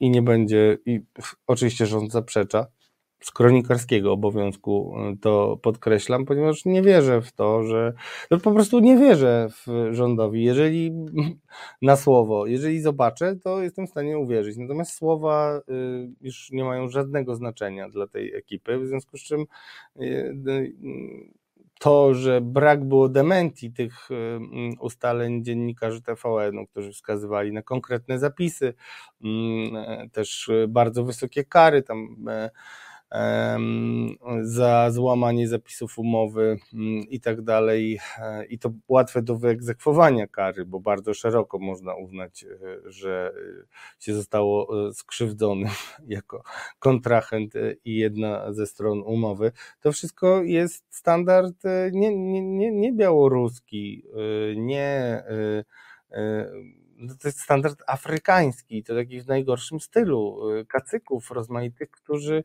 jakby prawo mają za nic i Brakuje mi, przyznaję, słów, żeby to komentować. Obajtek, Daniel, zdecydowanie na koniec roku mm, zasługuje na tytuł polexitowca. Także dlatego, drodzy Państwo, że konsekwencje działalności Daniela Obajtka E, stawiają nas w dużo gorszej geopolitycznie sytuacji, e, w dużo gorszej mm, na przyszłość ekonomicznie sytuacji i tak dalej, i tak dalej. Jestem przekonany, że najbliższe miesiące powinniśmy też jako media spędzić nad tym, żeby ludziom dokładnie wytłumaczyć, jakie są konsekwencje tej fuzji. Ale sama postać e, wójt Pcimia, który ma zarzuty karne, y, który w zasadzie cudem unika y, spędzenia wielu miesięcy w areszcie, później dzięki y, życzliwości prokuratury, życzliwości graniczącej z no, nie ma chyba takiego słowa jeszcze. Dzięki życzliwości prokuratury koniec końców unika odpowiedzialności. Jednocześnie nie przechodzi żadnych nawet y, elementarnych y, procedur prześwietlających jego mm, majątek. Y, długo nie przechodzi, w końcu przechodzi, ale już wtedy to, te procedury są kompletnie skompromitowane. Nie ma poświadczenia bezpieczeństwa, czyli nasze własne służby, które naprawdę posuwały się już do kosmicznych kosmicznych różnych przedsięwzięć e, i, i bezczelnych, i e, dyletanckich, e, i głupich po prostu, tak jak głupie było strzelanie w komendzie, wnos- nie no, głupie było wnoszenie granatników przeciwpanternych do gabinetu policjanta, a po prostu szczytem kretynizmu było dotykanie go, szczególnie jeśli no, słów brakuje. Odpalenie granatnika, chciałem Państwu powiedzieć, to taki mały spoiler, bo niedługo podsumuję też politycznie rok y, w podcaście, y, który emituje Radio Z, to mogę powiedzieć, bo to robi na mnie wrażenie, że widziałem się y, z moim znajomym, który mm, robi interesy w Indonezji mm, Ostatnio byłem na lotnisku, tam się spotkaliśmy przypadkowo e, i gratulował e, newsa o mm, komendancie, bo to Radio Z podało jako pierwsza historię eksplozji na komendzie głównej i, i gratulował, powiedział, słuchaj, nawet w Indonezji podszedł do mnie taki murzynek i mówi do mnie Bolanda, Bolanda, no, Bolanda, no, Bolanda, komandante bum bum, komandante bum bum. Nie wiem, czy o taką sławę powinniśmy, drodzy Państwo, y, zabiegać na arenie międzynarodowej. No ja jednak wolałem, kiedy mówili o nas, że jesteśmy zieloną wyspą i wolałem, kiedy wszyscy byli pod wrażeniem naszych wielkich serc. Jak widać, e, komendant wybrał inną drogę e, sławy i cieszę się bardzo też z tych słów, które padły w dzisiejszej rozmowie, że będzie mu teraz bardzo ciężko z takim uszczerbkiem autorytetu, a w zasadzie atrofią autorytetu jakiegokolwiek w upodległych mu funkcjonariuszy dalej skutecznie funkcjonować. Będzie to bardzo ciekawa e, sytuacja. I jeszcze e, chciałem, mm, abstrahując od e, tego wyboru Daniela Obajtka, którego przez aklamację mm, jedną osobą nie jeszcze Marcin tam kiwa głową, wybieramy mm, na polexitowca uzasadnienie w kolejnym programie także, bo wydaje mi się to ciekawym e, pomysłem.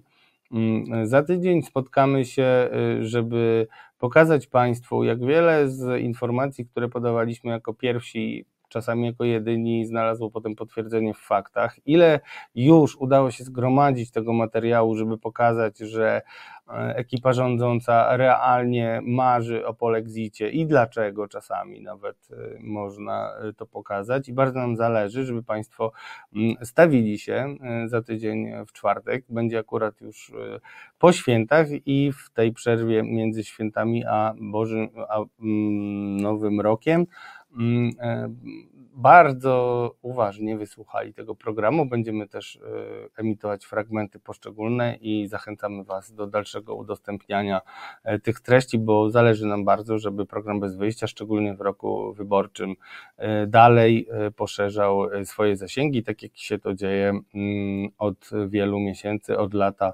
każdy miesiąc to zwyżki, jeśli chodzi o oglądalność i niestety zniżki, jeśli chodzi o kapitał.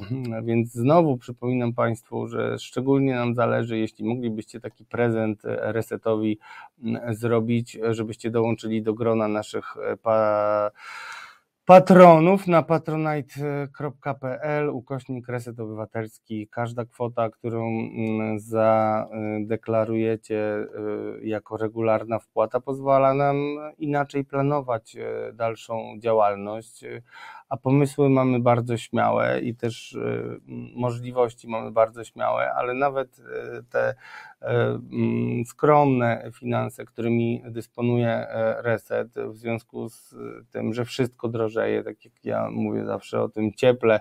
Słyszycie Państwo mój głos, to nie jest reżyserowany i nie dlatego, że jest tu zimno, ale koszty po prostu rosną. Potrzebujemy większych zasięgów, żeby mieć więcej resetarian i resetarianek, dlatego wszystkich też Państwu, którzy słuchają nas na Facebooku, bardzo bym był wdzięczny, jeśli będziecie regularnie udostępniać też nasze programy, czy też nasze shorty, bo to nam bardzo, bardzo pomaga. Jeszcze, żebyście Państwo mieli e, jasność, w jakim jesteśmy e, miejscu i dlaczego e, tych polexit newsów jest trochę mniej niż z reguły, no po, poza tym, że mamy okres przedświąteczny i też mamy takie zawieszenie broni w Zjednoczonej Prawicy, polegające na tym, że jutro ma dojść do spotkania Zbigniewa Ziobry, ministra sprawiedliwości z Mateuszem Morawieckim i mają rozmawiać o tej ustawie. Co to będzie, to nikt nie wie, łącznie z samymi zainteresowanymi, którzy się udają na spotkanie, więc y, wszyscy nabrali wody w usta, y, tak chętnie komentujący, a tylko dlatego, żeby nikt im potem nie przypisał, że to przez nich nie doszło do porozumienia. Więc mamy taki stan zawieszenia, można to milczenie zwalić na potrzebę czasu przy porządkach świątecznych i jest tego dużo mniej.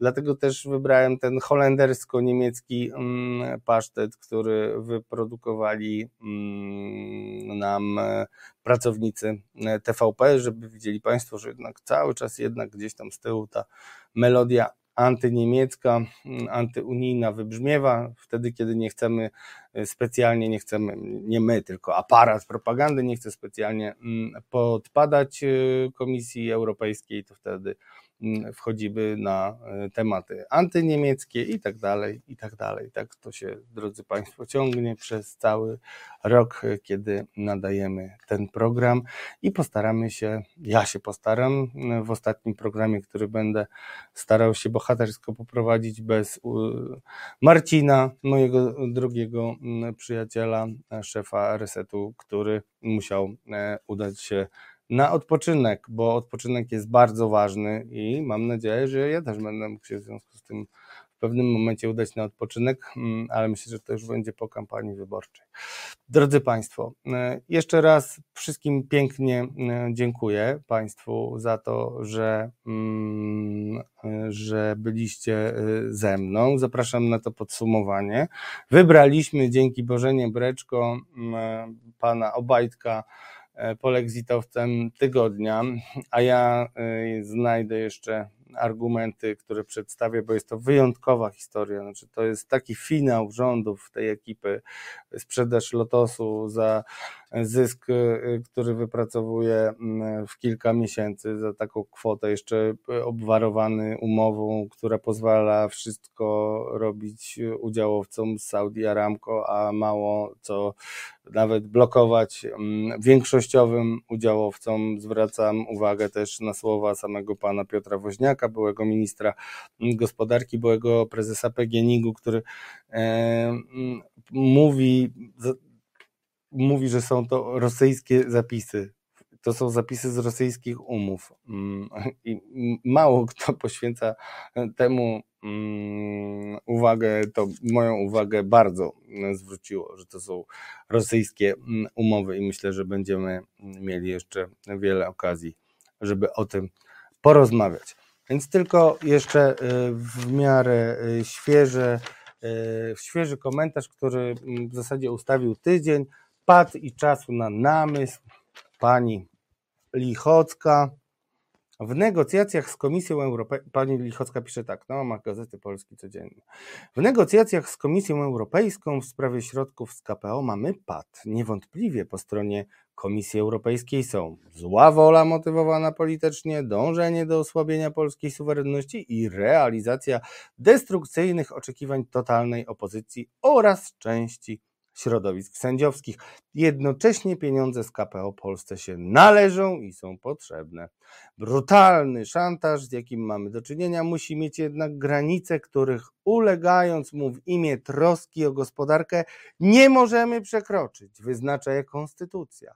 O tym mówią prezydent Duda i lider PiS Jarosław Kaczyński. Polska nie może się zgodzić na podważanie konstytucyjnych prerogatyw prezydenta ani otwierać furtki do kolejnych szantaży, których celem jest rozmontowywanie państwa. E, no i cóż, mm, stąd wycofanie z prac projektu ustawy o Sądzie Najwyższym, którego zapisy odpowiadały warunkom wynegocjowanym w Brukseli. Nie ma żadnych gwarancji, że Komisja Europejska dotrzyma słowa i nie będzie wymuszać kolejnych zmian. Nie ma też gwarancji, że w wyniku ustępstw Polska otrzyma kolejne transze środków z Unii. Następne posiedzenie Sejmu 11 stycznia to czas, by rozważyć, co robić dalej. Być może pojawi się projekt zmian, które mimo, że będą ustępstwem, nie zaszkodzą Polsce. Czyli zgodzimy się, ale wiemy, że jesteście kłamcami i skoro jesteście kłantami, to pewnie okłamiemy was już lada moment. Nie, to taki ponury żart na koniec. Mówiąc zupełnie poważnie, życzę Państwu wszystkiego najlepszego. Dziękuję Wam za e, te e, wszystkie miesiące e, i jadę, drodzy Państwo, ładować akumulatory, żeby wrócić po świętach do Państwa z finałem Katarzis oraz z podsumowaniem roku i naszych wszystkich transmisji w ramach e, programu Bez Wyjścia. Dziękuję serdecznie. Naszym realizatorem był e, Marcin dzisiaj, e, a polexitowcem tygodnia dzięki naszej resetariance Bożenie Bryczko został Daniel Obajtek, a ja nazywam się Radosław Gruca i wrócę na posterunek już za tydzień. Do zobaczenia Państwu. Dobranoc. Reset Obywatelski.